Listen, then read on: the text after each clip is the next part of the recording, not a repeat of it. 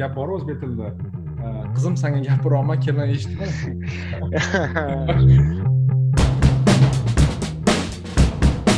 слишком такой dogmatичный o'ylashyaptida. Ha oshiryapti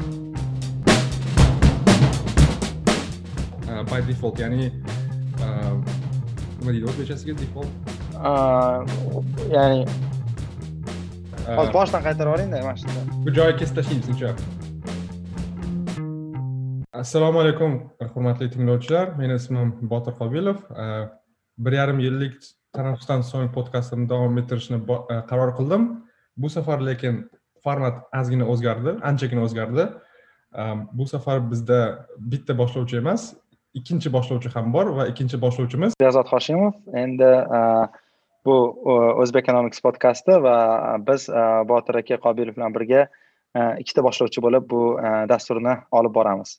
Va talablarga binoan podkastni davom ettirishni qaror qildik. Bir yarim yildan so'ng umid qilamanki e, tinglovchilarga qiziq bo'lib tuyuladi va bu safar biz e, podkastni muntazam ravishda olib borishga qaror qildik. E, deyarli har hafta bitta epizod chiqadi o'n besh yigirma minut daqiqalik va bu podkastlarda asosan aktual mavzularni gaplashamiz. Format juda ham ofitsialniy emas. Shuning uchun biz bu podkastni ikkita boshlovchi o'rtasidagi muloqot sifatida qabul qilishingizni so'rab qolamiz. Xullas bugungi mavzu e, e, bekzod bilan kelishdik. E, antitrust ya'ni katta it kompaniyalar va ularni kuchi bozordagi va iqtisodiyotdagi nafaqat iqtisodiyot balki siyosiy siyosiy hayotdagi ularning o'rni oshib borishi va ularni kuchini qanday cheklash yoki cheklamaslik haqida gaplashamiz. Bekzod marhamat. Mavzu shu antitrust va texnologiya sektori oxirgi paytda bu juda yam dolzarb mavzu bo'lyapti. Va albatta buning iqtisodiy va siyosiy sabab va oqibatlari haqida gaplashishga qaror qildik. Gapni ochig'i boshida o'sha google va facebookga qarshi aqshdagi nazoratchilar ya'ni bular adliya vazirligi federal savdo komissiyasi ya'ni ftc va shu kabi regulyatorlar E, ularni sudga tortib e, tergov boshlangani haqida gaplashmoqchi edik va oxirgi kunlarda xabaringiz bor e, twitter facebook va boshqa texnologik kompaniyalar amaldagi aqsh prezidenti trampning nima yozish va kommunikatsiya qilish imkoniyatlarini cheklab qo'yishdi. Trampdan tashqari boshqalarni ham va bu katta bir jamiyatda o'sha kompaniyalarning o'rni iqtisodiyotdagi o'rni haqida mulohazalarga olib keldi va shu haqida э, sekin bir gaplashishga ahd qildik. Э, o'ylaymanki qiziq bo'ladi. Э, xullas juda ham yaxshi introduction bo'ldi. Manimcha trampdan oldingi eng katta shov shuvli yoki katta yangilik bu o'sha savdo uyushmasi va adliya vazirligi shu yoki va boshqa elita shtat manimcha adashmasam tomonidan facebookni sudga berilishi bo'ldi. Manimcha dekabr oyida noyabr oxirida. Va manimcha shu haqida gaplashsak bo'lsak e, facebookdan oldin eng katta shu antitrust ishi manimcha microsoftga borib taqaladi. To'qson nechi sakkizinchi yilmi to'qsoninchi yillarda e, o'sha paytda e, agar manimcha tinglovchilar xabar bo'lmasa qisqa ma'lumot beramiz. O'sha paytda microsoft tomon microsoftni netscape degan internet brauzer adashmasam sudga bergan. Netscape bu kichkina internet brauzer u paytda o'sha windows kompyuterlarida microsoft um, default uh, by default ya'ni nima deydi o'zbekchasiga default?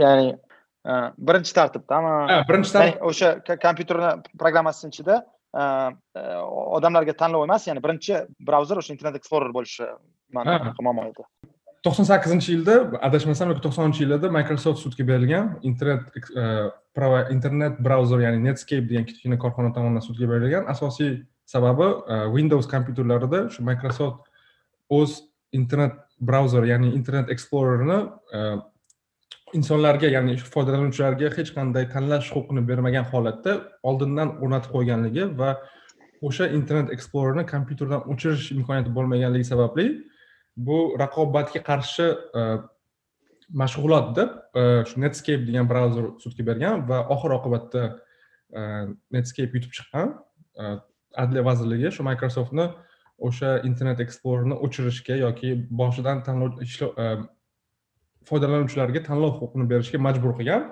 И adashmasam o'sha katta antitrust bekzod googleni paydo bo'lishiga olib kelgan adashmasam to'g'rimi? Qaysidir ma'noda. Shuni bilmayman. Man man microsoft case haqida o'qidim bu anaqangizga tanlayotganda o'sha siz aytganingizdek to'qson sakkizinchi yilda netscape va boshqa brauzerlar nima deydi yomon ko'rishgani uchun ya'ni hozir telefoningizga ham telefon hozir sotib olsangiz qandaydir programmalar o'rnatilgan bo'ladi. Va o'sha o'rnatilishni o'zi odamlarni o'rgatib qo'yadi degan bir ma'noda fikr yuritishgan netscapedagilar lekin keysni ya'ni sudga adliya vazirligi ya'ni bizni anaqa qiladi bosh prokuratura e, olib chiqqan ya'ni e, sudlanuvchilar bir tarafdan microsoft ikkinchi tarafdan e, xususiy kompaniya netscape emas aqsh hukumati bo'lgan. Va shunda ular sudga berib aytishganki microsoft o'zining deylik iste'molchilarini tanlovini qisqartirib qolyapti va shu qisqartirish Э, noqonuniy э, monopol э, sharoitdan foydalanish degan bir fikr to'xtamga kelgan sud. Agar adashmasam va shu shuning natijasida shu shu keys juda yam bir tarixda muhim. Man o'ylaymanki u keys nima desam ekan e, anaqa e, tarixiy bo'lishiga qaramasdan e, noto'g'ri hal qilingan keys deb o'ylayman. Ya'ni mana shu manimcha man noto'g'ri deb o'ylashim faqat e, bu mani subyektiv fikrim emas chunki o'shandan keyin taxminan yigirma yil e, bunga o'xshagan keyslar bo'lmadi.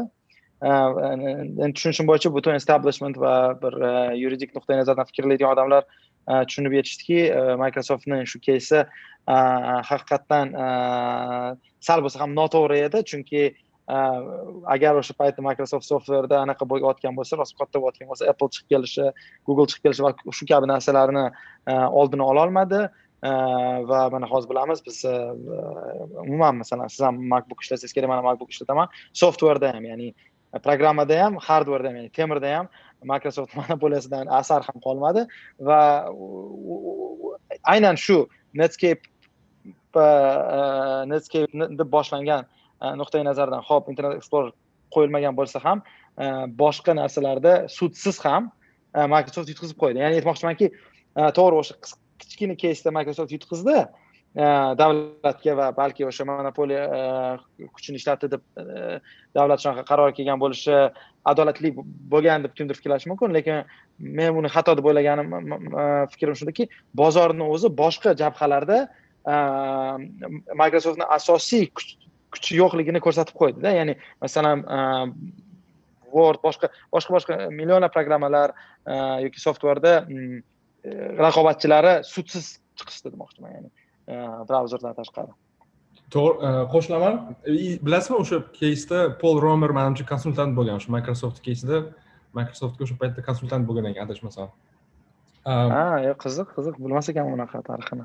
Yaqinda o'ylab qoldim. Bu to'g'risi masalan sizda ham manimcha iphone bo'lsa kerak. E, safariga kirsangiz brauzer by default ya'ni boshqatdan shu googlega to'g'irlab qo'yilgan. Lekin bilasizmi yo'qmi agar настройкаga kirsangiz to'rt sekund ichida shu googledan bing yoki boshqa brauzerlarga o'zgartirish imkoniyati bor ekan. Ya'ni bir xil aytyaptiki hozir google o'sha microsoft kesiga qaytadigan bo'lsak hozir google ham xuddi o'sha apple kompyuterlari yoki apple mahsulotlariga o'zini brauzerini qo'yib qo'yyapti lekin bu safar pul to'lab ya'ni ko'pchilik e, o'sha microsoft keysda ishlaganlar ham e, ishlamaganlar ham aytyaptiki google hozir qilayotgan ishi ya'ni appleni kompyuterlariga o'zini qidiruv platformasini tiqib qo'yishi bu raqobatga qarshi emas deyishyapti hmm. chunki google applega pul to'layapti va shu bilan birga foydalanuvchilarga hamma bilmasa ham e, qidiruv ya'ni poiskovikni boshqasiga o'zgartirishga imkon beryapti. Manimcha bu e, adolatli bo'lsa kerak deb o'ylayman to'g'rimi? Ha e, manimcha endi masalan hozir microsoft keysda ani hozir birinchi netscape aytdingiz lekin yana bitta kes bor microsoftni bu microsoftni bo'lish haqida bo'lgan o'sha adliya vazirligi talab qilganki microsoft bo'linishi kerak ya'ni masalan Э, o'sha softverni ta'minlovchi o'sha microsoft office va boshqa e, shunga o'xshagan e, nima deydi e, xizmatlar bir joyda boshqalari misol uchun va boshqa microsoft biznes boshqa kompaniyalarga bo'linishi kerak deyilgan. Va esimda bor juda yam ko'p shtatlar o'sha adliya vazirligi bilan birga qo'shilib o'sha keysga borishgan va eng qizig'i o'sha keysni bu yoq tarafida microsoft bu yoq tarafida google ham bo'lgan va ular ham o'sha depositionlarda chiqib aytishganki ya'ni sudni oldida chiqib aytishganki ha microsoft anaqani buzyapti ya'ni raqobatni buzyapti. Shuning uchun microsoft bo'linishi maqsadga muvofiq deb gapirilgan. Aminmanki google ham shuni gapirgan. Va ikki ming o'n to'rtinchi yilda nima bo'ldi? Ikki ming to'rtinchi yilda adashmasam microsoft bo'linmadi. Lekin microsoft o'ziga o'sha odamlarni xatti harakatlarini tartibga soluvchi bir ikkita mas'uliyatlarni o'z bo'yniga oldi va ular bir sakkizmi o'n yil amal qilindi. Ya'ni mana bunaqa nima desam ekan o'sha bir narsalarni boshidan qo'yib qo'ymaslik hozir aytganingizdek mana bu o'zgartirish funksiyalari va shu kabi narsalarni o'ziga e, oldi va e, natijada e, natijada natijani bilamiz hozir shu narsada narsa yashayapmiz man endi aytmoqchi bo'lganim ham qanaqaki mana shu prokurorlar aralashgan mana shunaqa google hozirgi google va undan oldingi microsoft keyslarida hozir facebook keys haqida gapirmoqchidik facebook keysida o'sha google keysini prokurorlarni o'zi eslayaptida va ular aytishyaptiki mana masalan anaqa bizani o'sha microsoftga qarshi qilgan yurishimiz googleni o'sishiga olib keldi deb yozilgan o'sha keysni o'zida yozilgan. Man o'qidim prokurorlarni fikrini va man o'ylaymanki o'sha prokurorlarni fikri xato. Ya'ni to'g'ri u keysdan keyin google o'sib chiqqan lekin aynan shu keys deb google o'sib chiqqan deyishim deyishimiz sal qiyinroqda chunki e, anavi e, qidirish e, texnologiyasi microsoftda yo'q edi. Google o'sib chiqqan aynan shu qidirish texnologiyasidan. Va hozir esa hozir googlega qarshi kes o'qisangiz qidirish texnologiyasidagi monopoliya haqida gapiryapti. Biz hozir bilmadim xabaringiz bormi yo'qmi? Apple hozir qidirish texnologiyasi ustida ishlayapti. O'shanga hozir hozir google yasab yoki facebook yasashgandan keyin apple pastga chiqib kelsa mana biz to'g'ri qiluvdik deyishadida yana yigirma yildan keyin. O'shanga man bilmayman qanchalik adolatli. To'g'ri to'g'ri ehm, facebook to'g'risida gapirdingiz facebook endi o'shanga to'g'risida gaplashsak e, bilmadim ko'pchilik biladimi yo'qmi? Facebookka ayblashyapti shu prokurorlar yoki e, umuman e, jamiyat ayblayaptiki oxirgi ikki ming to'qqiz va ikki ming o'n to'rtinchi yil adashmasam birinchi bo'lib instagramni sotib oldi keyin whatsappni sotib oldi va shu ayblash ayblashga asosiy sabab deb o'sha sukerbergni markni e, ichki emaillari va o'zini korxonasidagi facebookdagi e, e, sheriklari bilan suhbatlari ommaviyga chiqib ketganligi ya'ni o'sha suhbatlarda emaillarda o'sha mark sukerberg o'z xavotirini ko'rsatishi ya'ni instagram paydo bo'lyapti bizni biznesimizga xalaqit beradi va biz uni sotib olishimiz kerak bizga tahdid bo'lishidan oldin deb aytgani va xuddi shu yo'l bilan whatsappni sotib olganligi o'sha jamoatchilikka e, nima desa bo'ladi xavotirni uyg'otdi. Ya'ni bu sohada e, winner takes all deymizku ya'ni kim birinchi bo'lib chiqsa va kim birinchi bo'lib o'sha innovatsiya qilsa e, network effekti orqali butun bozor ulushini o'ziga olib olishi mumkinligi uchun o'sha facebook vaqtdan foydalanib kichkina bo'lgan o'sha paytda instagram whatsappni sotib olib hozirda biza bilamiz e, e, katta e, platformaga ega bo'ldi. Endi shunda bu holatda bekzod nima deb o'ylaysiz? Ko'pchilik hozir aytyaptiki yoki o'sha hujjatlarda ham o'sha kongressmenlar texnologiyadan ozgina uzoqroq odamlar ham aytyaptiki facebookni qaytadan ya'ni o'z vaqtida whatsappni va instagramni sotib olishga ruxsat bergan shu savdo komissiyasi hech qanday to'sqinlik qilmagan bo'lsa ham hozirda aytishyaptiki endi bularni uchtaga yoki yana to'rttaga bo'lib tashlaymiz tashlashimiz kerak deb aytishyapti. Bu haqida nima deb o'ylaysiz? Shu to'g'risida gaplashaylik endi qarang bu bu yerda ikkita anaqasi borda mani endi shaxsiy fikrim bu ham hammasi bu yerda faqat fikrlar bildirilyapti. Men qanaqa deb o'yladim?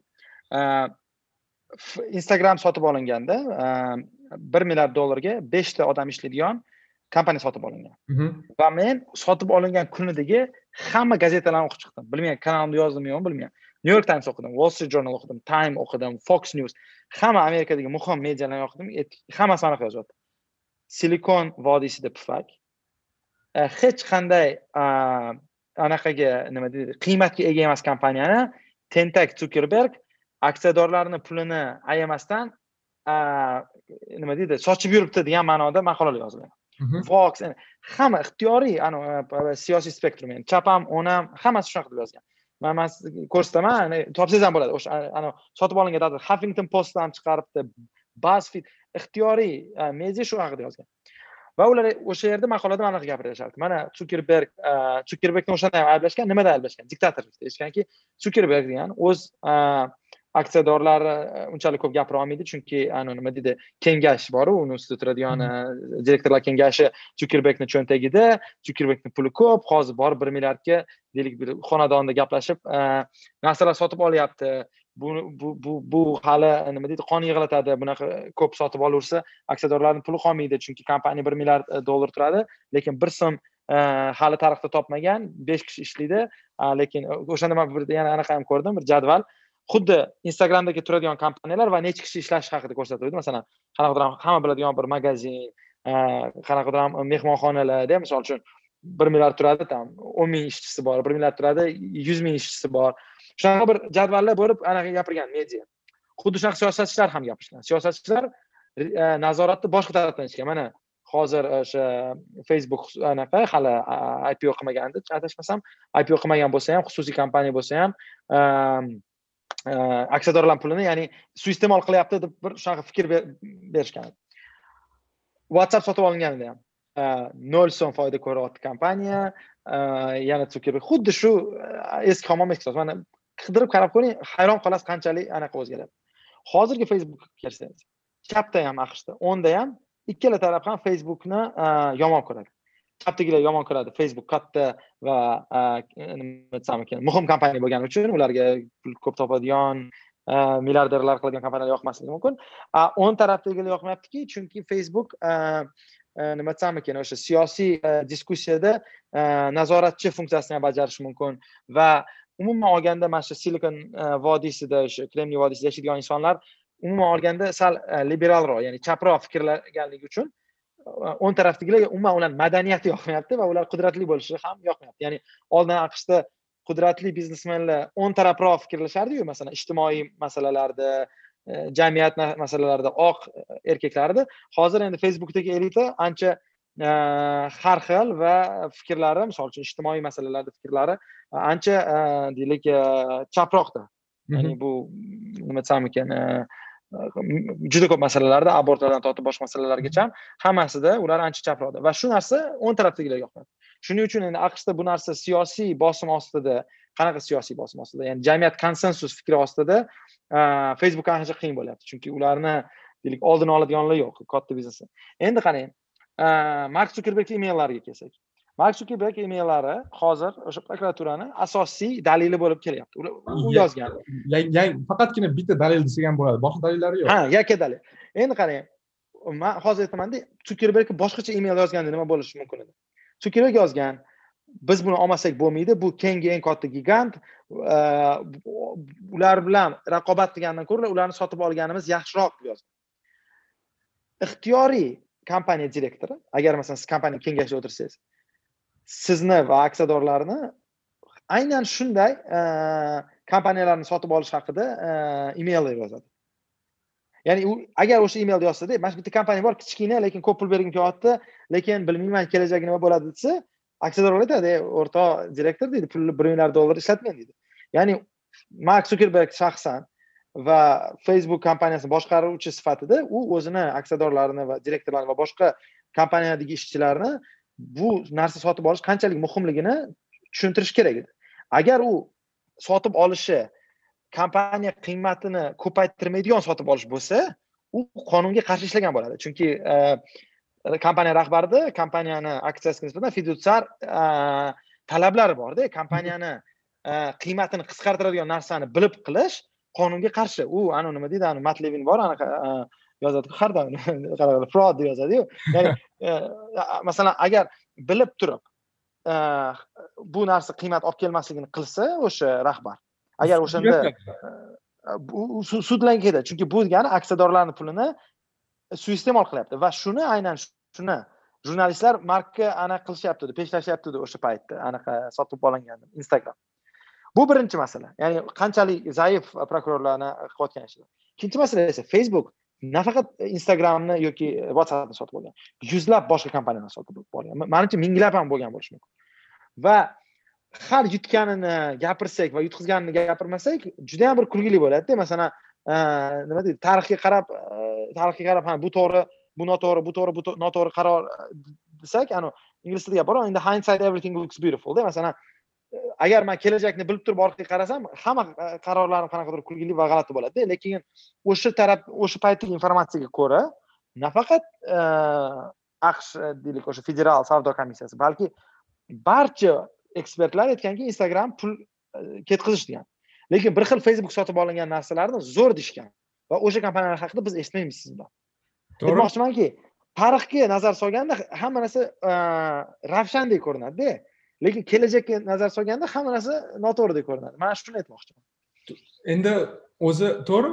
Instagram endi e, e, facebookni chapam onam o'ng ham facebookni chapam onam o'ng ham ayblayapti do'st. Lekin ko'pchilik manimcha agar faqat shu iqtisodchi sifatida gapiradigan bo'lsak o'zi ko'pchilik e, o'zi efficiency nuqtai nazaridan ya'ni samaradorlik nazaridan gapirish kerakda facebookni masalasi hozir yoki shu googleni masalasi ham ko'pchilik odamlar именно fairness ya'ni adolat tarafdan kelib chiqib aytishyapti ya'ni nima uchun uchta to'rtta odam boshchiligidagi korxonalar siyosiy va iqtisodiy hayotda eng katta kuchga ega bo'ldi? Masalan mark sukerberg adashmasam yoki shu twitteri boshlig'i dorsi dunyodagi eng eng e, kuchli odamlar siyosiy nuqtai nazardan. Agar esingizda bo'lsa oktябрдami sentyabr oxirida baydenni o'g'li to'g'risida maqolalar chiqishni boshlayotganda e, twitter ham facebook ham aytdiki biz bu maqolalarni e, ko'rsatmaymiz chunki bu siyosiy Э, siyosiy nima desa bo'ladi saylovga ta'sirini o'tkazadi degan maqsadda. Shuning uchun aytmoqchimanki e, raqobat to'g'risida gap ketganda shu korxonalarni qanchalik e, adolatli yoki adolatsizlik emas aynan shu korxonalar katta kichikligini samaradorlik taraf nuqtai nazaridan manimcha ko'p odamlar bilmayapti. И o'sha facebookka keysni o'qigan bo'lsangiz o'sha kongressmenlar e, ya'ni shu adliya vazirligi xodimlari prokurorlar facebookni kuchi instagramni sotib olganligi whatsappni sotib olganligi haqida gapirishyapti lekin bittasi ham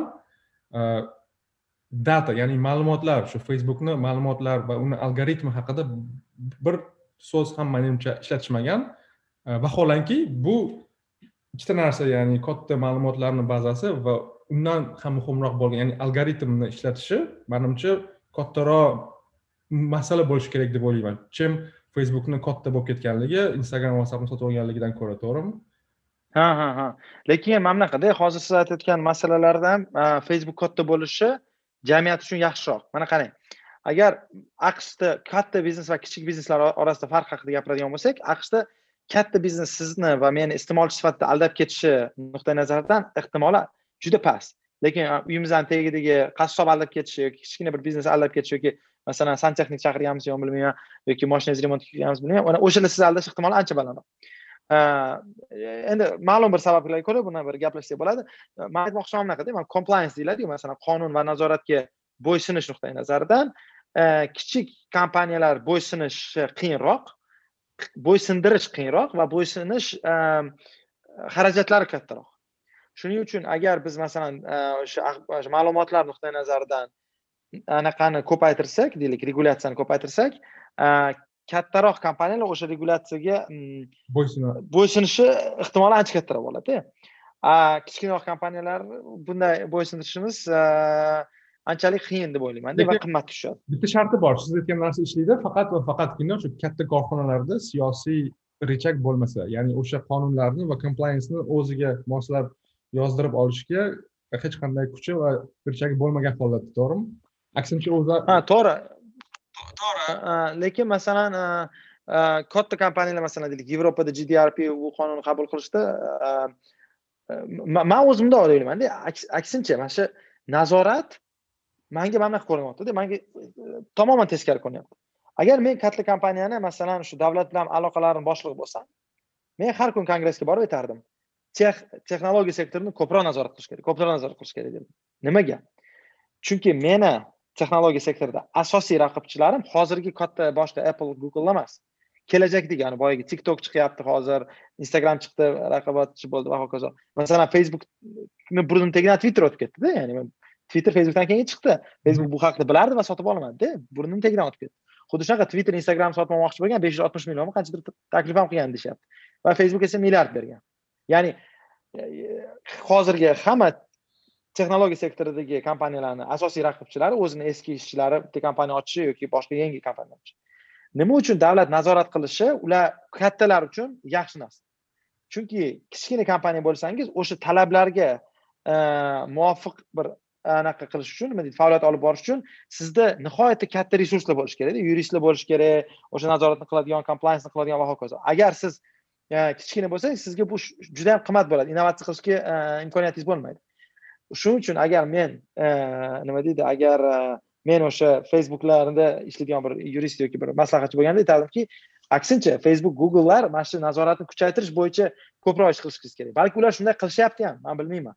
O'shanga anavi richag siyosiy richagi borligi boru e, bor bo'lib turib anavi nazoratni ko'paytirayotgan bo'lishingiz mumkinda. O'shanga hozir biz o'ylayapmiz bu facebookga qarshi keysdagi bir fikr deyapmiz masalan nazorat bo'yicha masalan gdrp yevropada chiqqani hamma eshitdiki mana xitoy financial timesdan o'qisangiz aytadi mana hozir katta kompaniyalar facebooklar googlelar endi yevropadagi qonunlarga bo'ysunishadi va hokazo va hokazo to'g'ri lekin yevropadagi endi chiqadigan kompaniyalar bu narsani uddalay olishmaydi o'shaning uchun men masalan facebook yevropadagi bir odam bo'lganda aytardimki bosinglar kattaroq qilinglar chunki bizku eplaymiz haligi maydalar eplasha olmaydi derdimda va shu nuqtai nazardan ularni siyosiy rejagi meni iqtisodchi sifatida ham iste'molchi sifatida ham nima desam o'ylantiradi. Lekin tamoman boshqa tarafdan. Ya'ni aynan o'shalar hozirgi regulyatsiyani ko'payishiga olib kelishi mumkin. Aqshda bunaqa narsa ko'p bo'lgan.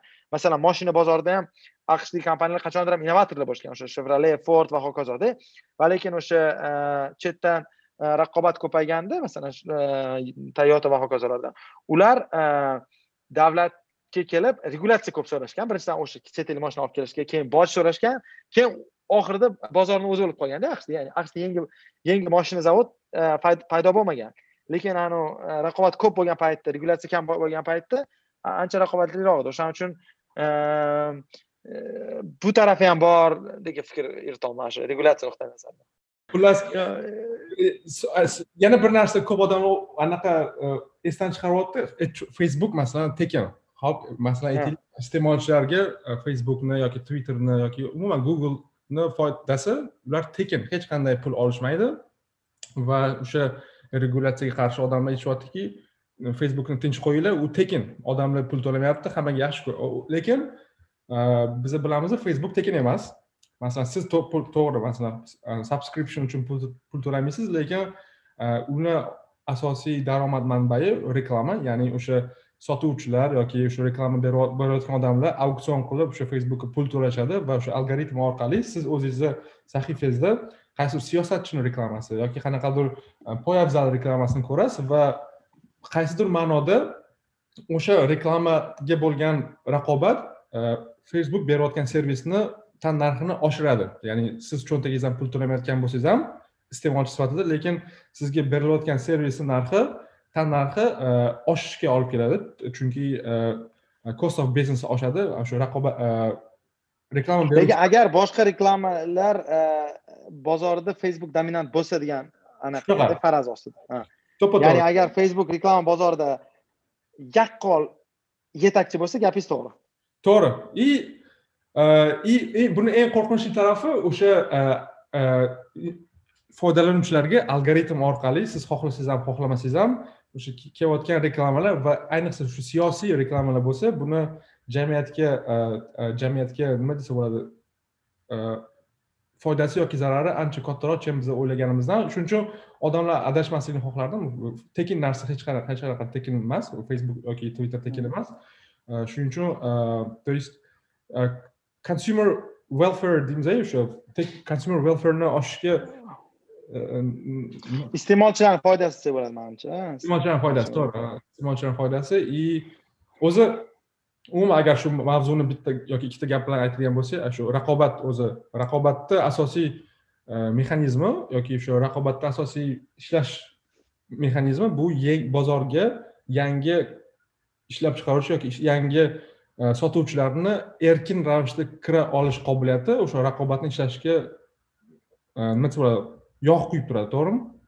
Lekin lekin network manbasi facebook yoki network effekti katta bo'lgani uchun o'sha biz bilgan e, an'anaviy e, o'sha shumpiter aytgan an'anaviy raqobat mexanizmlari ishlamaydi. Chunki o'zidan o'zi yangi korxona ertaga chiqib man facebookka E, raqobatdoshi bo'laman deb e, xuddi uni darajasiga yetolmaydi to'g'rimi? Shuning uchun e, endi bilmadim botir aka masalan har gal har tarixni jabhasida xuddi shunday fikr bo'lganda facebook chiqqanda myspace bo'lgandan keyin nima qilamiz? Myspace anavi network effekti juda katta deganmiz. Instagram chiqqanda ham shunaqa fikr bo'lgan. Hozir facebookda hozir shunaqa deyapmiz lekin mana mana ko'zimizni oldida tiktok o'sib ketdida. Masalan man tiktokda yo'qman lekin ko'ryapman judayam jamiyatni o'zgartiradigan darajada tiktok tiktokka yozilish kerak ha tiktokka kerak endi man judayam yaxshi raqsga tushaman keyin raqsga tushib boshlasam o'zgartirishga to'g'ri keladi all the all the cool kids use tiktok. Ha all the cool kids use tiktok. И mana shu all the cool kids mana siz bilan mani yoshligimda mana moymer ishlatardik одноклассникini ishlatardik agent bo'lardi. Endi masalan deymanda masalan facebook bo'lardi. Choyxona ishlatardi kompyuter xonalarda choyxonali bo'pti hop kompyuter endi aytyapman counter strike o'ynaydi. Man man nima demoqchiman? Anavi har gal qaysidir katta kompaniya haqida gap ketayotganda shunaqa fikr bor. Bu birinchisi. Ikkinchisi anavi aytganingizga anavi tannarx reklamanida man shu haqida fikr yuritdimda hozir yana facebookka keskin qaytaman bu narsada. Qarang agar facebook amerika reklama bozorida yagona reklama darchasi bo'lsa bu muammo lekin amerika reklama bozorida mana bilasizmi mana mani pochtamga spam keladi. Pochta orqali reklama keladi ko'p a radio televideniye va hokazo va hokazo va internet. Internet ham faqat facebook emas u million xil. Va eng qizig'i facebook e, va instagram va boshqa platformalar uchun yagona darchadan auksion qilib sotadi reklamasi. O'shaning uchun facebook bo'lgan taqdirimizda reklama narxi oshadimi tushadimi degan savolga man javob berolmayman. Chunki e, nima desam ekan instagramga beraman desangiz ani facebook qismi qolmaydida o'shanga reklama narxi tushishi nuqtai nazaridan bizga iste'molchi sifatida ani reklama orqali to'laydigan narsamiz tushadimi yo'qmi degan savolga javob berolmayman bu bir chunki yagona darcha ikki masalan hozir mana tiktok va boshqalar kelyaptiyu facebook manimcha bozordagi hajmini suiiste'mol qilishga jur'ati yetmaydi chunki reklama bozori hozir internetda shunchalik manimcha raqobati kattaki anavi margin deydiyu ani qisqa anavi bir e, chekkada ham ozgina bu yoqqa bu yoqqa ketib qolsa alternativalar boshqacha masalan e, apple orqali ham bersa bo'ladi boshqa boshqa platformalar orqali bersa bo'ladi. Shuning uchun e, facebookka nisbatan shu anaqa shu fikr ya'ni ular reklama bozorida anaqa. Lekin endi facebook google apple va boshqa tex kompaniyalar til biriktirib reklamani kelishsa o'sha muammo bo'ladi. Lekin biz bilamiz ular reklamani ochiq o'sha ikkinchi narx auksion orqali qilgani uchun e, uni qilish iloji sal kamroqda e, ha masalan eski paytda bundan ellik yil oldin o'zi bir bo'lsa bir o'nta televizionni kompaniya bor edi amerikadada mana ular o'tirib reklamani til biriktira aytadi mana bizada prime timeda masalan o'n so'm qilaylik yoki o'n besh so'm qila oladi texnicheskiy iloji bor edi ular kelishib olish. Hozir o'ylayapman mana auksionlar bo'lyaptiku facebookda biz o'tiribmiz algoritmlar auksion qilyapti bizni o'rnimizga. Mana odamlar o'tiryapti o'sha googleda ishlaydigan holvering qilsa kerak facebookda ham там susan u bular konsultatsiya qilib hmm. auksionlarni qilib berishgan. O'sha auksionlar ishlayapti. Endi u auksionlar bilan til biriktirish uchun ancha mexanizmi ham qiyinroqda. Til biriktirib narx qimmatlashmasa bu manimcha iste'molchilar uchun samaradorlik nuqtai nazaridan yaxshiroq. Va shu uchun ham deb o'ylayapman man facebook haqida yoki google haqida mana bu prokurorlar ish berishganda ularni bozordagi narx tushmadi. Manimcha facebook ikki foizga tushdi keyin qaytib oldida anavi shu keys bo'lgan man nima deb o'ylayapman agar siz hozir facebook aksiyadori bo'lsangiz facebookka bo'linishidan siz manimcha jabr ko'rmaysiz. Chunki anavi reklama ya'ni faqat foyda nuqtai nazaridan qarasangiz yagona darcha emas ikkita uchta darcha bo'lsa balki e, narxi qimmatroq bo'lishi mumkinda har bir vaqt oralig'ida. Hozirdan ko'ra o'shanga umumiy facebook savdosi nuqtai nazaridan qarasak e, unchalik trivial e, javob olmayapman. aytish qiyin aytish qiyin ha lekin agar lekin man bilmadim siz facebookka bo'lamiz deyishadi facebook instagram whatsapp manimcha bu hech narsaga olib kelmaydi. Chunki lekin bo'lishadi manimcha. Olib kelmaydi lekin bo'lishadi. O'sha pretendent bo'lishi uchun bo'lishadi. Shu kitob keyinchalik chunki googleni va amazonga o'sha prokurorlarni e, kuchi yetmaydi. E, dalillari ham yo'q va ularni bozorni bo'lishiga kuchi yetmaydi. Lekin именно aynan facebook hozir pichoqni ustida turgani uchun manimcha bo'lib yuborishsa kerak va ayniqsa oxirgi whatsappni yangi anaqa terms of service chiqdiku e, whatsapp siz endi ma'lumotlaringizni facebook bilan bo'lishadi degandan keyin manimcha oxir oqibat shu bo'lishib yuborsa kerak. Lekin bu yana bitta savolni tug'diradi. Ho'p bu degani agar masalan facebook instagram va whatsapp orqali kattaga katta va biznesni yaxshi yo'lga qo'yib ketdi. Ya'ni instagram va facebook alohida xuddi hozirgi darajaga yeta olmasdi deyishimiz mumkin. Chunki facebookni argumenti yoki markani argumenti shundaki man ularni sotib oldim biz ularni rivojlantirdik biz ularga ko'p pul tikdik va hozirgi darajasiga ular facebook orqali chiqdi. Va nima uchun? Qaysidir prokurorlar bizni e, success ya'ni bizni e, muvaffaqiyatimizni. Nima uchun bizni muvaffaqiyatimizga hozir e, bolta urishyapti va bu keyingi korxonalar uchun ya'ni katta muvaffaqiyatga erishgan ya'ni qonuniy ravishda ya'ni o'z vaqtida savdo hmm. tashkiloti e, ftc ruxsat bergan qonuniy hmm. ravishda muvaffaqiyatga erishgan e, korxonalarga prezident bo'lib qolmaydimi degan savol ham bor manimcha bu to'g'risida ha man lekin umuman e, aqshni yalpi ichki mahsuloti innovatsiya va texnologik progress nuqtai nazaridan ham bu yomon kes deb o'ylayman qarang hozir silikon vodiysida mark so'zlarida jon bor qanaqa? Kremniy vodiysida ixtiyoriy startaplar bilan gaplashsangiz asosiy maqsadi katta kompaniyalar ularni sotib olish uchun mehnat qilishyapti shunaqa. Katta kompaniyalar masalan google ventures degan idora bor. Masalan googleni venture kompaniyalar sotib oladigan bir bo'limi. Ya'ni ular yangi waze sotib olishdi boshqa narsani sotib olishdi. Ularni ular bilan gaplashsa ular aytadi biza bir там o'n beshta kompaniya sotib olamiz ulardan bittasi unib chiqsa chiqadi qolgani o'ladi. Ya'ni aqshda hozir E, oltin e, tuxum beradigan anavi o'rdak deydiyu texnologiyalar o'stiryaptida aqshni hozir iqtisodiyotini o'shani o'ldirib qo'yishyaptimikin deyapman. Hozir e, qanaqa kremniy vodiysi ishlayapti investorlar pul beradi. Kompaniyalar tentek tentek tentek sentek g'oyalar bilan o'sishni boshlashadi pul tikishadi.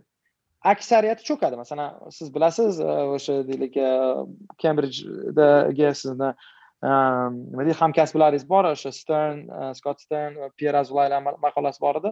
Manimcha garvarddagi learner bilan maqolasi bor edi. Anaqa to'qson foiz kompaniyalar besh yilda bir so'm foyda ham ko'rmaydi degan maqolalar bor ya'ni aksariyat bizneslar manimcha sizni yo'q yo'q siz boshqa haqida yozuvdingiz lekin siz ham kanalingizni birinchi maqolalardan biri ularni maqolasi edi qirq yoshli tadbirkorlar haqida. Lekin aytmoqchimanki tadbirkorlik nihoyatda ehtimoli kam o'yinda. Lekin agar o'xshab qolsa jamiyat nihoyatda ko'p foyda oladi.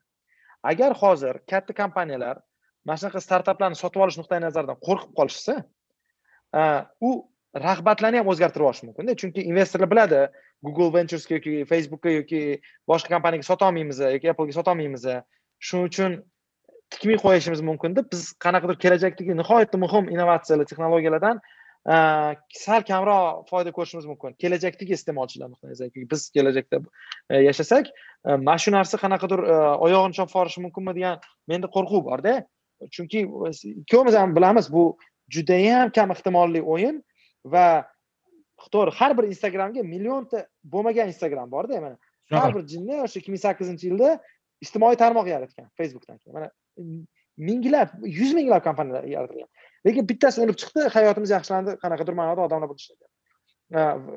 Instagram emas masalan bu yerda millionta texnologiya bor. Masalan odamni yuzini qilishdan fotografiyagacha anavi nima deydi hozir e, odamlarni yuziga qarab e, e, nima deydi kasalliklarni aniqlash mumkinda lekin bu texnologiyalar ijtimoiy tarmoqlar uchun birinchi nima deydi rivojlangan. Shu uchun man o'ylaymanki mana shu facebookni keysi facebook o'z yo'liga hozir baribir ham facebook aksiyadorlari yoki mark sukerberg shaxsan bu narsadan zarar ko'rmaydi rokfeller ham zarar ko'rmagan standart oil bo'lib ketishganda ya'ni shaxsan unga uni moliyaviy yoki boshqa nuqtai nazardan hech qanaqa zarar ko'rmaydi. Lekin aynan zarar ko'radiganlar iste'molchilar bo'lib qolishi ham mumkinda lekin prokurorlar va sudyalar bunday fikrlashmaydi deb o'ylayman. Ya'ni hozir shu facebookni keysi qancha yangi korporativniy venturlarni to'xtatadi degan savolga javob berolmaydi. javob bermaydi va o'ylamaydi ham bu haqida. Lekin endi venturlar sal qo'rqib endi sotib olishni boshlasa masalan hozir siz google ventures yoki uh, appledagi o'sha startaplarni sotib oluvchi kriloda ishlasangiz o'sha aqsh federal uh, uh, savdo komissiyasidan yashil set olgan bo'lsanglar ham o'ylaysizlar hozir olsak bu o'sib ketsa keyin yana problema bo'ladimi nimaga kerak bor degan fikrga kelishi mumkin. Shu fikrni bilib keyin pastdagi investorlar yo tikmaymiz sizlarga chunki sizlarni facebook baribir sotib olmaydi qo'rqadi. Deydida va shu bilan ko'p narsadan mahrum bo'lib mahrum bo'lib qolishimizdan masalan man sal qo'rqaman. To'g'ri man ham qo'rqaman bu narsadan albatta kongressmenlar yoki shu prokurorlar bu haqida albatta o'ylamaydi. Ular birinchi navbatda o'ylaganligi u mark sukerbergni boyligi. Manimcha chap ham o'ng ham faqat oxir oqibatda e, shu milleniallar faqatgina o'sha o'ta ravishda boyib ketgan o'sha bezos va markni shu boyligini qisqartirish ya'ni o'sha warren ham asosiy maqsadi e, moliyaviy sohani e, efficiency ya'ni samaradorlikni oshirish emas именно shu boylarni ya'ni pulini taqsimlash. Hmm. lekin biz bilamiz bu bu narsa adolat sifatida adolat e, timsolida emas o'sha efficiency anaqasida ishlash kerak. Samaradorlikni samaradorlik shu so'zni hech eslolmadim. E, endi shu oxirgi mavzumiz qisqa mavzumizga o'tadigan bo'lsak o'sha siyosiy arenada o'sha texnologiya kompaniyalarini roli va oxirgi keys ya'ni o'sha aqshdagi saylovdan so'ng saylovdagi saylov jarayonida shu texnologiya kompaniyalarni roli va ularni mohiyati juda katta va oxirgi o'sha trampni keysini oladigan bo'lsak manimcha bu narsa keyingi o'n o'n besh yil ichida juda ko'p o'rganiladi va hatto investigation ham bo'ladi. Manimcha qanday qilib o'sha o'nta o'n beshta twitterdan boshlab pinterestgacha hamma korxonalar it korxonalar shu trampni ketma ket blok qilishni boshlashdi va ko'pchilik aytyaptiki masalan man ko'rdim chap tarafda ham o'ng tarafda ham va boshqa chet elda ham e, yangiliklarda aytishyaptiki bu so'z erkinligiga tahdid. Ya'ni o'sha qaysidir foydalanuvchini akkauntini yopib qo'yish u kim bo'lishidan qat'iy nazar uni akkauntini yopib qo'yish va bu holatda butun o'nta o'n beshta korxonalar tomonidan birgalikda yopib qo'yishi bu so'z erkinligiga qandaydir tahdid deb aytishyapti. E, bu haqida mani ham fikrim bor siznikini bilmoqchi edim birinchi. Nima deb o'ylaysiz? Va umuman mana shu keys уже yomon olib kelmaydimi? Keyinchalik siyosatchilarni ovozini beshta odam o'z xohlaganicha yopib qo'yishga qudrati u yaxshilikka olib kelmaydimi nima deb o'ylaysiz? Man shaxsan bu narsadan ancha optimistroqman. Unaqacha e, tragический narsa emas. Nima uchun? Chunki tarix ko'rsak bo'ladi. Mana tarix emas hozirgi zamon. Aqshda eng ko'p ko'riladigan e, televizionni kanal bu fox news. Fox news bilamiz o'ng tarafdagi e, insonlar yaxshi ko'rishadi. Va o'ng tarafdagi telekanal va передач masalan top yigirmata eng ko'p ko'rilgan telekanallar aqshda telekanal teleperedachаlar albatta o'sha taker karlson jon haniti degan ведущийlarni shoulari bu bir ikki facebookda ham eng ko'p kontent yaratadigan fikrlar ham albatta o'ng tarafdagi shu trampni anaqa nima deydi qo'llab quvvatlovchi ben shapiro va shu kabi odamlarni fikrlari shu shu nuqtai nazardan aytmoqchimanki o'ng tarafdagilar buni so'z erkinligi tahdid deb bilishyapti va men unday deb o'ylamayman. Nima uchun? Masalan fox news dunyodagi eng katta kanal aqshdagi eng katta kanal eng katta shoular shon haniti masalan e, jo baydenni chaqirmaydi hech qachon shouga va u uni haqqi deymiz fox newsni haqqi chiqarmaslik. Wall street journal ham o'ng tarafda yoki e, har xil o'ng tarafdagi gazetalar bor hozir otlarini aytib kelyapti hammasi. E, ular ham o'zini deylik avtorlari bor u yerda mualliflari bor hammani ham u yerga qo'yishmaydi. Va kanal gazeta radio haqida gapirsa ko'plar normal deb o'ylaydi. Masalan fox news baydenni chiqarmasligi normal deb o'ylashadi yoki uni e, kritika qilishini uni haqqi deyishadi. Xuddi shunaqa narsa manimcha twitter va facebookka ham kirib kelishi e, ehtimoli bormikin deyapman chunki ular ham platformalar masalan masalan hozir prinsipial ravishda new york times bilan facebook e, biznes modeli nimada farqlanadi desangiz unaqa ko'p anaqa topmayapmanda farq. Chunki u yer ham bu yer ham insonlar uchun yengillik olish e, manbasi bo'lib qoldi. To'g'ri new york timesda bir biringizga сообщение yozolmaysizu lekin umuman olganda ikkovi ham media biznes bo'lib qoldi. Masalan facebook ham media desa bo'ladi. Uni e, uni masalan messenger e, funksiyasidan ko'ra o'sha media funksiyasi muhimroq twitter ham aynan media bo'lgani uchun gap so'z bo'lyapti shaxsiy nima deydi yozishmalarga va unaqa tahdidlar yo'q.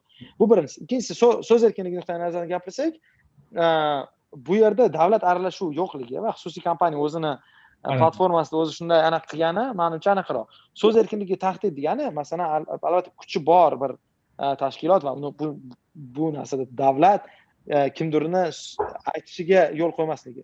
Bizda esa teskarisi bo'lyapti. Aqshni amaldagi prezidenti vaqtincha E, E, yozmaslik deyapti. Bu platformada yozmaydi. Xuddi masalan e, aqshni prezidentini biz universitetga kirgizmaymiz yoki aqshni prezidentini bizni gazetada chop etmaymiz degan fikr normal qabul qilingandek twitterda ham normal qabul qilish kerak. To'g'ri u twitterda e, muhim inson. Endi ikkinchi tarafi bor o'ylashimiz mumkin twitter aksiyadorlari nuqtai nazaridan endi twitter aksiyadorlari nuqtai nazaridan o'ylasak mana shu narsa to'g'rimidi noto'g'rimi desangiz bu sal pal o'ylanadigan savol chunki twitterni foydasi uchun ya'ni qanchalik muhim edi. Lekin ikkinchi tarafi bor twitter agar e, o'zi bergan qoidalarga o'zi rioya qilmasa bu qismi ham bor. Lekin so'z erkinligi nuqtai nazaridan e, man o'ylaymanki masalan gazetada boshqa gazetalarda masalan bilan hillari klinton yoza olmasligi masalan e, o'n tarafdagi gazetalarda hech kim buni normal emas demagan edi. Tramp ham hech bitta gazetada yoza olmayaptida endi. To'g'ri agar masalan so'z erkinligiga agar sizni argumentingizga qaytadigan bo'lsangiz so'z erkinligi tahdid bo'lsa shu tramp ham bemalol o'sha shonxaynichida chiqsa bo'ladi yoki kapiroda yoki taker karlsonni shousida o'tirsa masalan o'zida ya'ni megafon uni qo'lida bor masalan agar yo'q u press konferensiya qila oladi.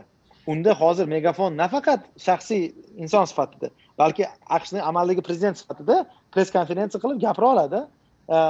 Jamiyatga jurnalistlarni chaqirib. U prezident puli bor bemalol jurnalistlar kelib anaqa qila oladi oq uy veb saytidan ha shu oq uy veb saytidan shu va hokazo hokazo so'z erkinligi tahdid deganda man e, rus tilini bilganim uchun hamkasbim ham so'rashdi. Qarab ko'r o'sha rossiya tomonidan rus mediasida nima gap bo'lyapti bunga qanday qarashyapti so'rashganda qarab ko'rdim. U yerda manimcha odamlarni fikriga e, odamlarga tushunishi juda ham qat'iy e, qiyin bo'lyapti. Qanday qilib bir siyosatchini bitta narsada adashyaptida qachonki davlat so'z erkinligiga yoki o'sha qandaydir tashkilot yoki siyosatchi so'z erkinligiga e, yopib qo'ysa u u kattaroq masala chem xususiy korxona kichkina twitter o'zi kichkina korxona o'zi masalan. Hmm. nuqtai nazardan qarasak kichkina korxona bu kimnidir oddiy ya'ni user user e, yoki foydalanuvchini shartiga bo'ysunmagan odamni blok qilib qo'yishi bu shu so'z erkinligi emas. Ya'ni o'sha demokratiyani bitta jozibadorlik tarafidan misol deb ham bilamanda chunki bu yerda qandaydir amaldor emas e, xususiy korxona ya'ni ya'ni jamiyatni bitta bo'lagi e, tartibni nima desa bo'ladi e, tartibga chaqirayotgani manimcha unchalik qo'rqinchli emas chem qaysidir amaldorni jamiyatni ovozini o'chirib qo'yishi manimcha. Shu shu tarafi man hayron qoldida ayniqsa rus mediasida ko'rganligim uchun eslab qoldim so'z erkinligi deb. Manimcha shu endi rus mediasini ham tushunishingiz kerakda ular uchun masalan aqshdagi siyosiy narsa bo'layotgan jarayonlarni e, yomon deb talqin qilish kerak va majbur ular.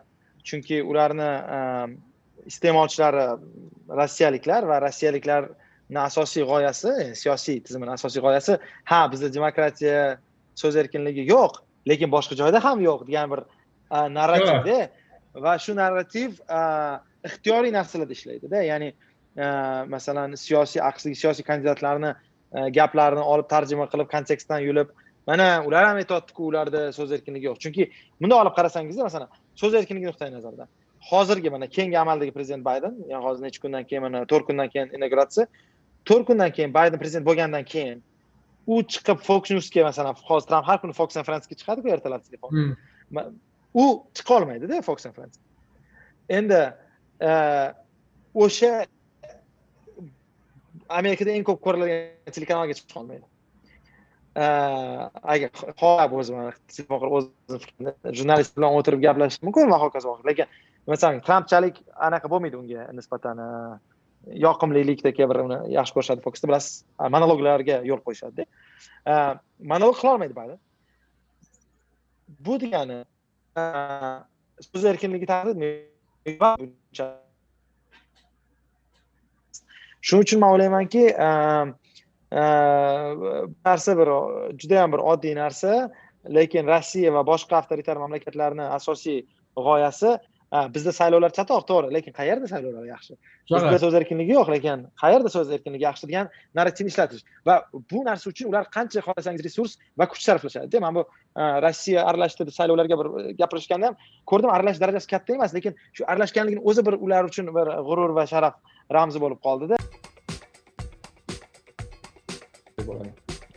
man tugataylik уже qani ko'p gaplashdik ozgacha kesasizda manimcha yarim soatdan ko'p bo'ladi ortiqcha ortiqcha gap eshakka yukmi nima deydi afsuski shu joyda biz bekzod bilan epizodimizni to'xtatishga majburmiz chunki u bekzod bilan biz juda ko'p gaplashishimiz mumkin suhbatimizni keyingi safargi podkastimizda epizodlarda davom ettiramiz umid qilamanki bu muntazam ravishda efirga uzatib boriladi hamma uchun e'tibor uchun rahmat hammaga bekzod siz bilan keyingi podkastda ko'rishguncha va hammaga rahmat. Rahmat botir aka. Manga ham juda yoqdi. Manimcha sal cho'zilib ketdi rejadan ko'ra. Tinglovchilarimizga diqqat va e'tiborlari uchun rahmat. Keyingi sonlarda ko'rishguncha va nima deydi bizni shu birinchi podkastimiz va o'ylaymanki har hafta chiqadigan podkastimiz haqida o'z fikrlaringizni yozing izohlang va biz albatta uni o'qiymiz. G'oyalar bo'lsa gapiring biz uni eshitamiz. Keyingi sonlarda ko'rishguncha xayr salomat bo'ling. Xayr.